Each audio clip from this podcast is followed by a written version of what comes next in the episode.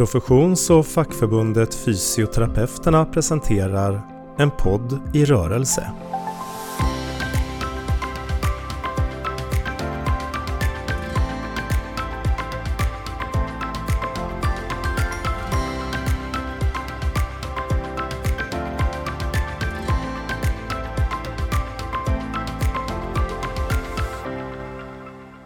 När ska rehabilitering hamna högt upp på agendan?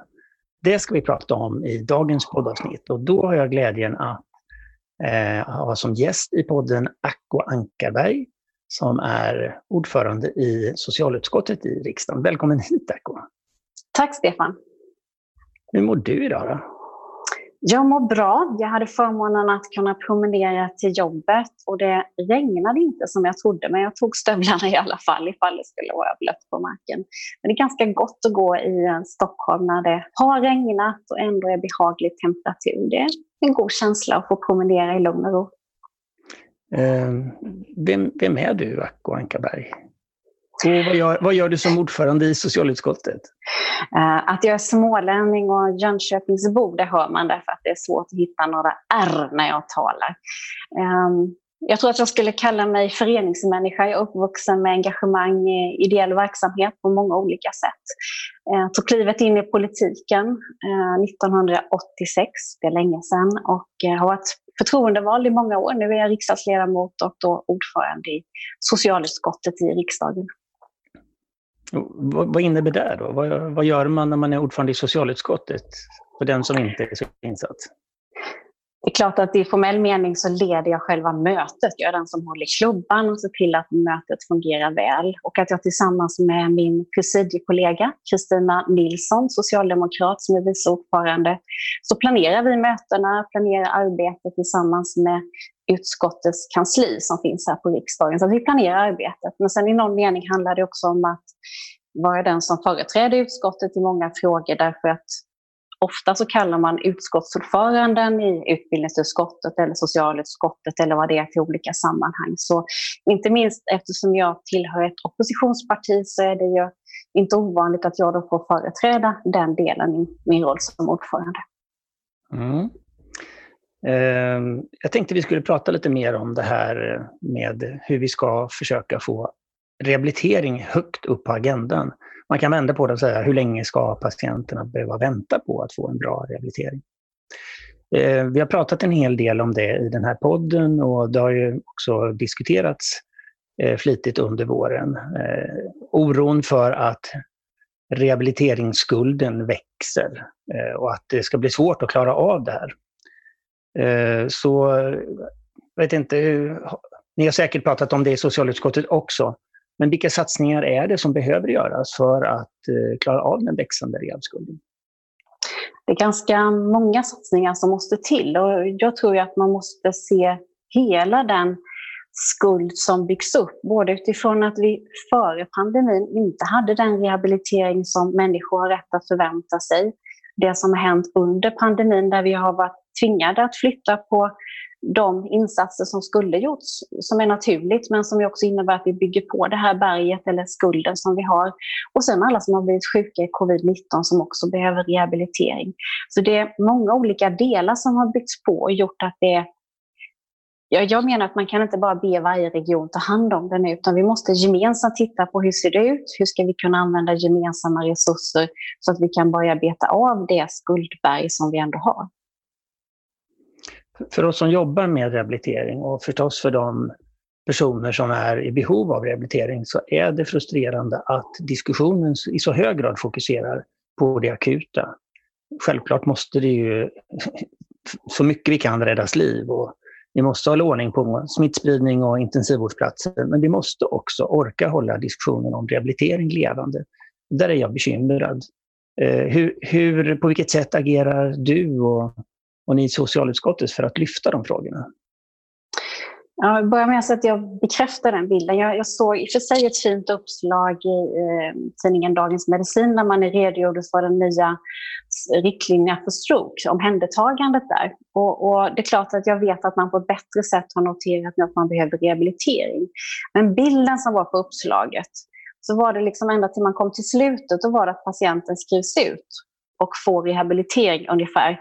Och sen var det slut. Och jag som själv har varit med om det där vet ju att det första omhändertagandet, det var ju fantastiskt och vi vet vikten av att det sker snabbt och att det sker på rätt sätt. Men allt det där andra, det är ju resten av mitt liv. Den rehabiliteringen mm, ägnades inte många rader i den här artikeln och jag, jag vet att det är tillfälligt så jag ska inte döma efter en artikel eller så men det speglar tycker jag ganska mycket hur vi lätt fastnar i det akuta omhändertagandet och sen hoppas vi att rehabiliteringen fungerar vi lägger varken tid eller energi på att bygga upp den så att den har förutsättningar. Vi följer inte heller upp om man får den och på vilket sätt den sker. Så det där är väldigt talande, den bilden jag såg i tidningen, att rehabiliteringen kommer sist och den blir bara en liten ruta där det står att det ska ske. Och det där räcker ju inte, därför att det handlar om resten av mitt liv där jag kommer att behöva rehabilitering, jag behöver hjälp. Först i det akuta skedet behöver man rehabilitering, men sen fortsatt löpande för att klara sig på ett hyggligt sätt. Så att, eh, vi har ganska mycket att göra vill jag säga när det gäller rehabilitering. Och vi, inte att vi är dåliga på rehabilitering, men vi ligger långt efter och det är inte jämlikt i Sverige. Mm. Du nämnde där din egen erfarenhet av att vara patient.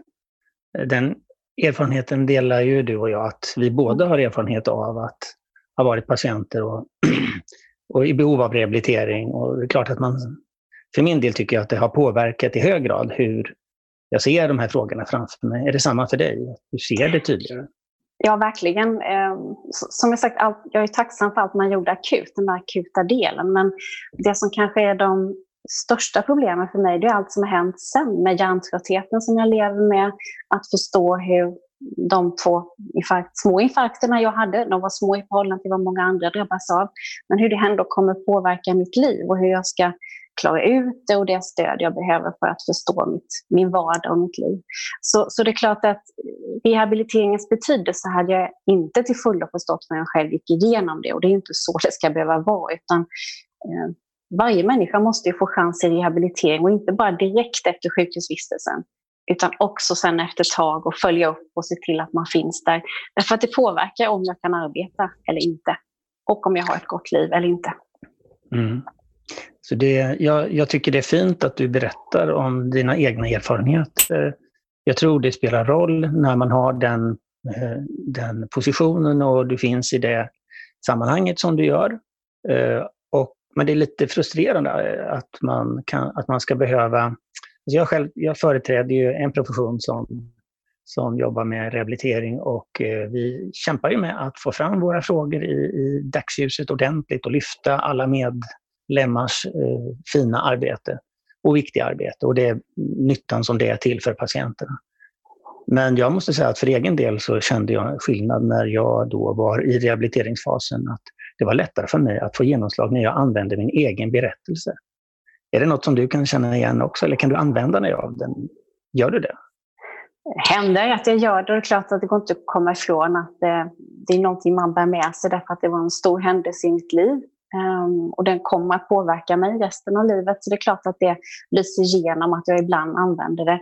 Samtidigt som jag vet att det gäller att vara, använda det vid rätt tillfälle. Jag skulle kunna använda det i många samtal men det är inte säkert att det passar in. Men det där är bra att de som är med och styr både har erfarenhet och inte har erfarenhet. För vi kan inte alla vara sådana att vi har all erfarenhet själva. Det kommer vi inte kunna härbärgera och så mycket vill vi inte drabbas av. Men att man lyssnar in olika människor, både närstående, egna upplevelser och framförallt för min del att jag lyssnar mycket på både patientorganisationer, enskilda människor, men också professionerna som berättar om vad de möter tillsammans med patienter.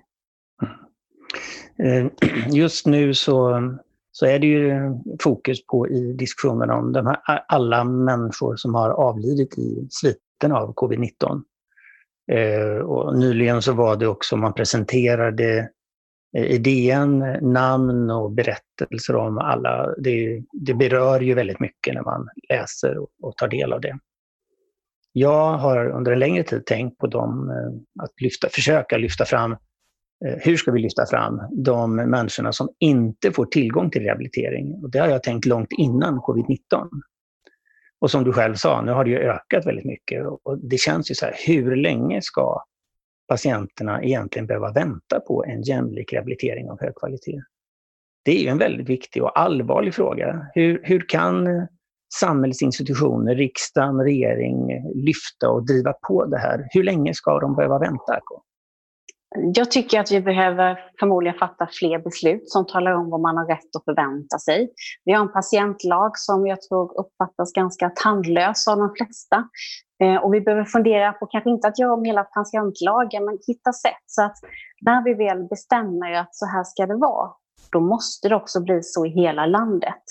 Det, liksom, det duger inte att svaret är att i vår region vill vi göra på ett annat sätt, utan säger vi att man har rätt till en individuell plan för vården och då ingår ju förstås rehabilitering, så måste också den falla ut och den måste ju finnas där för mig. Det får inte bara vara någonting som jag checkar av i, i listan av saker man skulle ha gjort, utan det måste ju vara på riktigt. Och så mycket som man har att vinna på rehabilitering. Eh, för om jag inte får rehabilitering så är det stor risk att jag inte kan arbeta, åtminstone inte fullt ut. Jag kommer också att förmodligen inte har den livskvalitet jag skulle ha och det påverkar mig i livet. Och om det är det enda som duger så tror jag att man kan räkna hem det samhällsekonomiskt ganska snabbt. Eh, för om det är så att ekonomin det handlar om så går det ganska snabbt att se att får man inte chans till rehabilitering så kommer jag att behöva jobba mindre, annars klarar jag mig inte och då drabbar det samhällsekonomin. Så i värsta fall får vi använda ekonomin som medel för att också visa varför rehabilitering behövs. Om inte den humanistiska tanken räcker. Det borde räcka med att vi förstår vikten av att varje människa får en chans att få ett så gott liv som möjligt, även med den sjukdom eller den diagnos det som jag drabbats av. Så någon form av lagändring kommer att behövas framåt, det tror jag. Eh, men också kopplat till när vi tar fram nationella riktlinjer. Nu har man gjort det för rehabilitering av covidpatienter, det är bra. Men det borde också kopplas till att då vet vi att det finns resurser för att genomföra de här nationella riktlinjerna. Så är det inte idag, utan vi har ju många riktlinjer på många områden. De är bra. Men då måste det också finnas resurser som gör att vi kan genomföra dem. För idag uppstår ju ett glapp där vi får nationella riktlinjer som både professionerna och patienterna förväntar sig ska få verkan. Och sen görs det inte lokalt därför att man har gjort andra prioriteringar eller för att man faktiskt inte har pengar som räcker till. Och vi kan ju inte ha en drös av nationella riktlinjer som inte används. Så att vi måste hitta en annan ordning helt enkelt för när vi styr och att vi då när vi styr ser till att det faktiskt faller ut och blir så att det är möjligt i hela landet.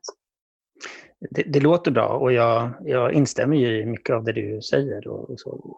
Men jag är lite skeptisk till att eh, vi ska få det gjort eh, och det är kanske av egen erfarenhet. Eh, jag var med och gjorde en, en utredning i, i landstinget i Kalmar län 1994. Och då hade det just kommit en nationell eh, eh, skrift om rehabilitering där eh, myndigheter och olika delar av samhället gick samman under parollen tidig och samordnad rehabilitering. Eh, då pekade man ut hur man skulle göra. Det var i samband med att LSS kom. Då. Och sen tio år senare så kom det en ny utredning från Socialstyrelsen och och några år senare kom det en ny utredning igen. Men det är ju in, vi upplever inte att det är särskilt mycket som har hänt inom rehabiliteringsområdet. Och det visas ju nu också.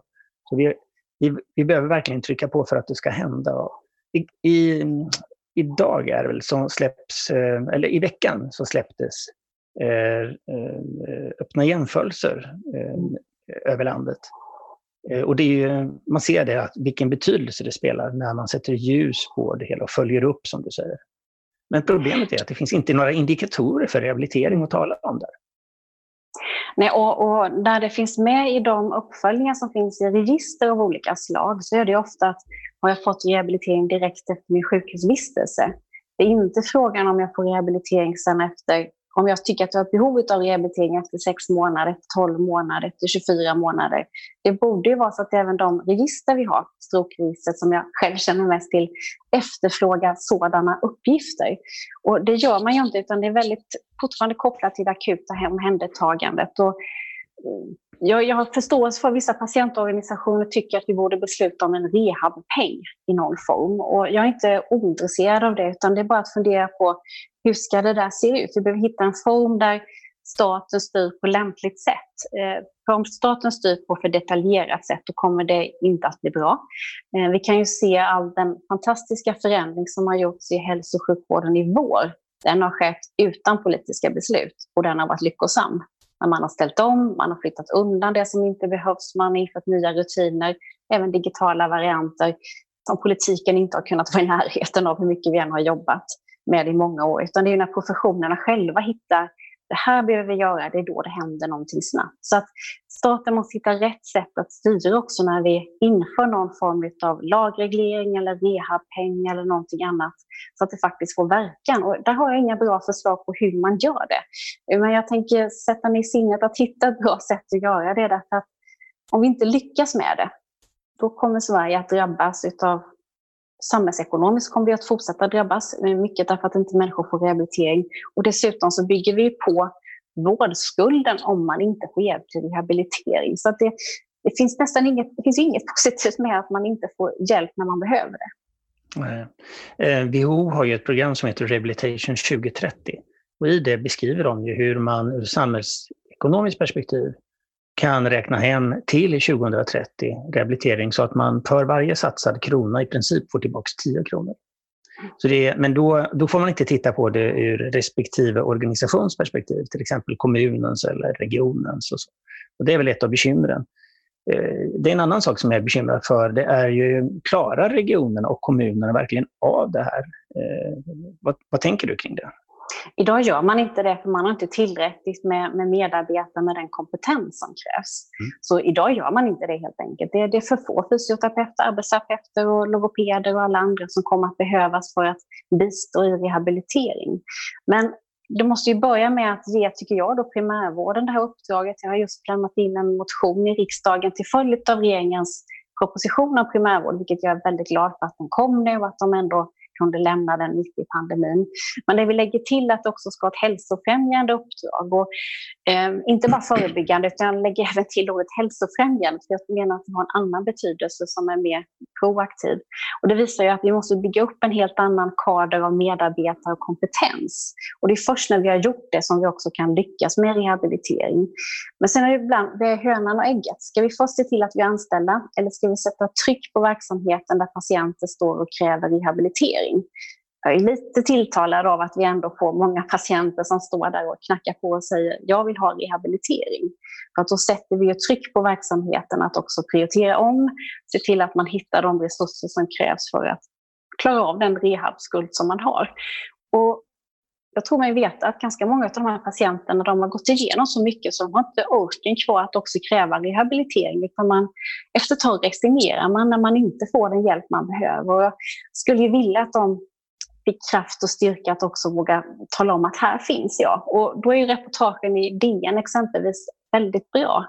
För har jag, kan jag följa fler människor och kan förstå deras livsväg så är det ju fler beslutsfattare som förstår vad det här innebär att leva när jag inte får den rehabilitering jag behöver. Att ta del av människors berättelser, i det här fallet människor som inte längre finns med oss, men också att få ta del av berättelser om människor som har gått igenom en sjukdom, behöver mycket rehabilitering och förstå vad det där innebär för människan att ändå få hjälp med rehabilitering. Så fler patienter som syns, som berättar om sin situation, det tror jag har stort värde framåt. Mm. Eh, vi, från, vi, vi, skulle gärna vilja se ett... Eh, vi ser ju att Socialstyrelsen får väldigt många uppdrag av regeringen nu. att följa upp och redovisa. Eh, och det, vi skulle vilja se ett eh, specifikt uppdrag där Socialstyrelsen får i uppdrag att följa upp rehabilitering. Inte bara att införa en, en, en, eh, alltså vägledningar och föreskrifter utan också att verkligen följa upp det. Hur ser du på det? Absolut. Eh, för det borde vara gängse att man gör det med alla riktlinjer. För vi, den här, om du visste den frustrationen när jag möter så många patienter som berättar att här kommer en riktlinje i vilken sjukdom som helst och sen har min region inte infört den på sju år. Hur ska jag göra? Och man, man står på något vis rättslös när man både inför någonting som man säger det här vill vi ska göras i hela landet därför har vi den bästa evidens för de här metoderna och sen gör man inte det. Det måste ju finnas något system som ändå följer upp och visar hur blev det? Och om det inte har blivit som vi har tänkt, vad gör vi då för att rätta till det? Så jag vill gärna se en uppföljning och jag ska gärna putta på med regeringen. Vi har ju återkommande vi har återkommande möten med regeringen i socialutskottet där jag tycker att vi har en bra dialog. Och väldigt mycket av de uppdrag de ändå har levererat till myndigheter har vi ju fått diskussioner om i utskottet, även om inte vi beslutat på något vis om det, så uppfattar jag att regeringen på många sätt är lyhörd och lyssnar in vad som behöver göras. Och jag tar gärna med det här också för att trycka på och att följa upp det som ändå har gjorts från Socialstyrelsen när det gäller rehabilitering. Mm. Det, det, är i närheten av en annan fråga. Vi, både Sveriges arbetsterapeuter och fysioterapeuterna driver ju frågan om att, ha, eh, att varje kommun ska ha en ansvarig MAR, medicinskt ansvarig rehabperson. Eh, och, eh, det är lite svårt att förstå att samtidigt som du, du konstaterar och jag också att det ser ut som att kommunerna och regionerna inte klarar sitt uppdrag för rehabilitering, så är det bara ett 80-tal som har en medicinskt ansvarig rehabperson. Och för, ur mitt perspektiv så leder det ju till att nej, men då hamnar inte rehabfrågorna så högt i fokus som de ska. Eh, hur är din inställning i MAR-frågan? Ja, det borde vara så att varje kommun har en MAR. Eh, hade de haft det idag, när de har fått många som har drabbats av covid-19, så hade de haft en bättre situation att också bedöma vilka rehabinsatser behöver vi. Därför att du har haft en MAR som hade kunnat överblicka situationen, fundera på en organisation och ett arbetssätt som, som stödjer att man får rehabilitering. Har man inte det så, så är det inte helt lätt för en kommun att komma igång med rehabilitering. Och det som brister i grunden det är ju att hela den kommunala hälso och sjukvården, även om den är 30 procent av helheten, så behöver den fylla på med väldigt mycket mer hälso och sjukvårdskompetens. Eh, den är till stor del uppbyggd av undersköterskor som gör basarbetet på ett väldigt gott sätt. Men de behöver ju fler kompetenser som jobbar tillsammans med dem. Och om det inte finns fler fysioterapeuter, arbetsterapeuter, sjuksköterskor också, men också kontakt med läkare, exempelvis med de kompetenser som behövs för att klara av det man gör i hemsjukvård av olika slag, då kommer inte det här att fungera. Så vi har ju tillåtit den kommunala hälso och sjukvården att bli alldeles för för tunn. Eh, och det är därför vi står där vi gör idag, att vi inte har klarat äldrevården på det bästa sättet. Och det är, inte, och det är också därför som vi inte klarar rehabiliteringen idag. Så mm. en MAR behöver varje kommun ha. Eh, vi har ju föreslagit det i riksdagen att varje kommun ska ha infört en sådan. Eh, det är ganska lite stöd för den, men jag tror faktiskt att det kommer att bli ett mycket större stöd. För trots allt, ibland är det så med hemska saker, att de får små goda saker med sig. Och pandemin har ju ändå visat att människor måste få rehabilitering. Annars mm. kommer det inte att funka. Och jag tänker det där får vi haka i och tala om, ja, ni ser, det behövs. Och även om jag kan säga att det där har man sagt i massa år innan, och ni har inte lyssnat, så vi använder det ändå som, som ett motiv för att fler ska förstå varför eh, rehab måste finnas i varje kommun och det måste nå varje patient. Det är så lätt att förstå det nu tror jag när vi ändå i media följs av reportagen om patienterna. Mm. Jo, vi får verkligen hoppas att vi kan fortsätta att driva på de frågorna för att det känns också som att coronapandemin har satt eh, rehabilitering i blixtbelysning. Eh, och det sätter också den, behovet av en nära vård eh, i en blixtbelysning. Det finns ju väldigt många bra förslag i, utredningen när det gäller den här frågan. Och och det, det, är bara att hoppas att de förslagen får stöd och kan vinna kraft. Men vi hade ju gärna sett också ett förslag om eh, en MAR i varje kommun. Och då måste det till, eh, utöver, alltså vi kommer ju att, notera det kraftfullt i våra remissvar, men, men det gäller att det är många som trycker på i den här MAR-frågan. Jag skulle vilja bara eh, innan vi avrundar säga den här pandemin som har pågått nu i, i mer än tre månader. Eh, vi har ju väl alla lärt oss saker och ting av den här. Eh, vad har du lärt dig för egen del? Jag har lärt mig mycket. Ehm, jag tror jag visste, smått och stort är det ju. Allt ifrån att jag saknar den sociala närheten till människor. Jag är en sån som gillar att träffa människor, och ha dem omkring mig, vara nära människor, få samtala med människor. Eh, men idag är det så att vi alla ryggar ifrån och tar ett steg tillbaka. Därför att vi vet att i väntan på vaccin så är ju fysisk distansering det som vi måste hålla oss till för att inte drabbas om möjligt utav smittan. Eh, så just det här hur, hur viktigt det är för mig själv med social eller fysisk närhet, det har jag verkligen förstått under den här våren. Men jag har också tydliggjort, tycker jag, just att hälso och sjukvårdens medarbetare, de klarar av en rejäl omställning om de får göra det efter sin kompetens och erfarenhet. Eh, och det där har ju bevisat för mig, tycker jag, i blixtbelysning att så mycket kraft det finns i hälso och sjukvården, bara de vet vad det är de ska göra och sen får göra det på det sätt som de själva finner lämpligt. Och att politiken verkligen tar steg tillbaka. Det där har ju ändå fungerat på ett fantastiskt sätt. Och sen också att vi måste ha nationell ledning på något vis. Det, idag fortfarande finns det ingen som kan fatta beslut om vi skulle behöva flytta patienter eller personal från en del av landet till en annan. Ingen kan fatta det beslutet idag. Och på något vis visar ju krisen att vi har ganska mycket i hemläxa att göra. Både vad det gäller nationell ledning, beredskapslager och mycket annat. Så mm, även om det är saker som är framförallt dystra som jag har lärt mig under våren, så det goda jag tar med mig är att jag mår bra av att ha fysisk närhet och social närhet till människor. Det är någonting som jag gillar och mår bra av. Och jag vet att det finns i sikte. Om men vet, inte när vet jag inte, men det kommer att ske en dag där det är möjligt igen. Mm.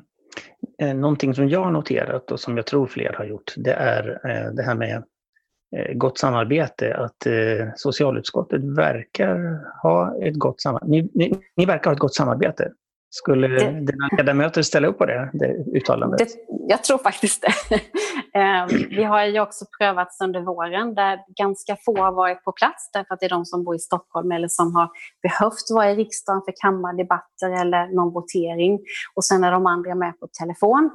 Ehm, då och då så har någon ledamot kommit till Stockholm för att de ska delta i en debatt och jag har ju nästan fallit dem om halsen för jag blir så glad att se dem. Det är så roligt att träffa varandra.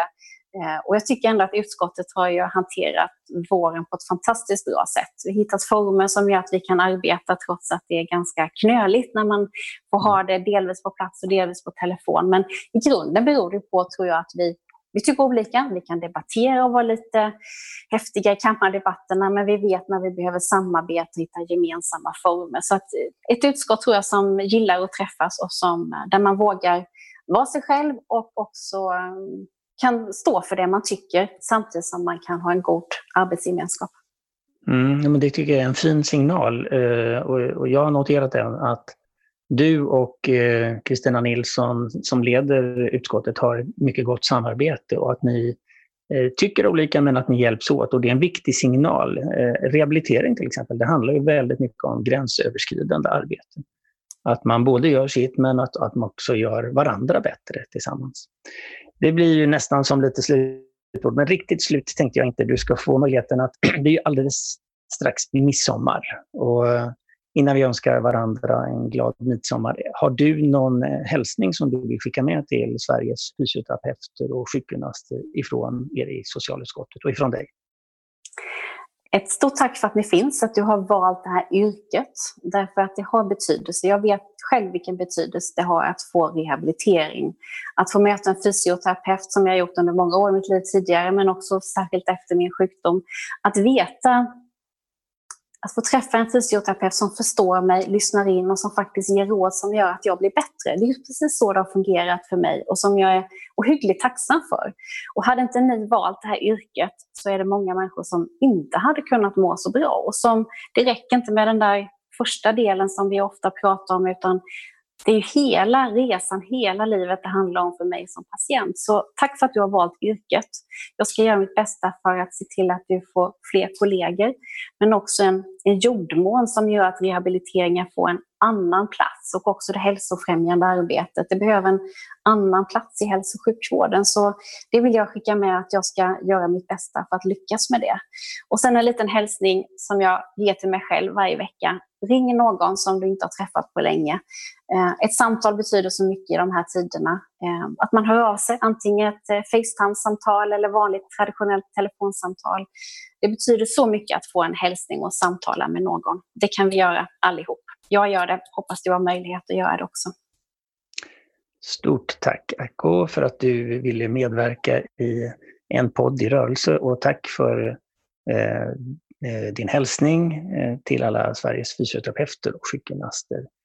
Nu är det dags att snart ta midsommar. Jag önskar dig en riktigt glad midsommar. Tack detsamma till dig.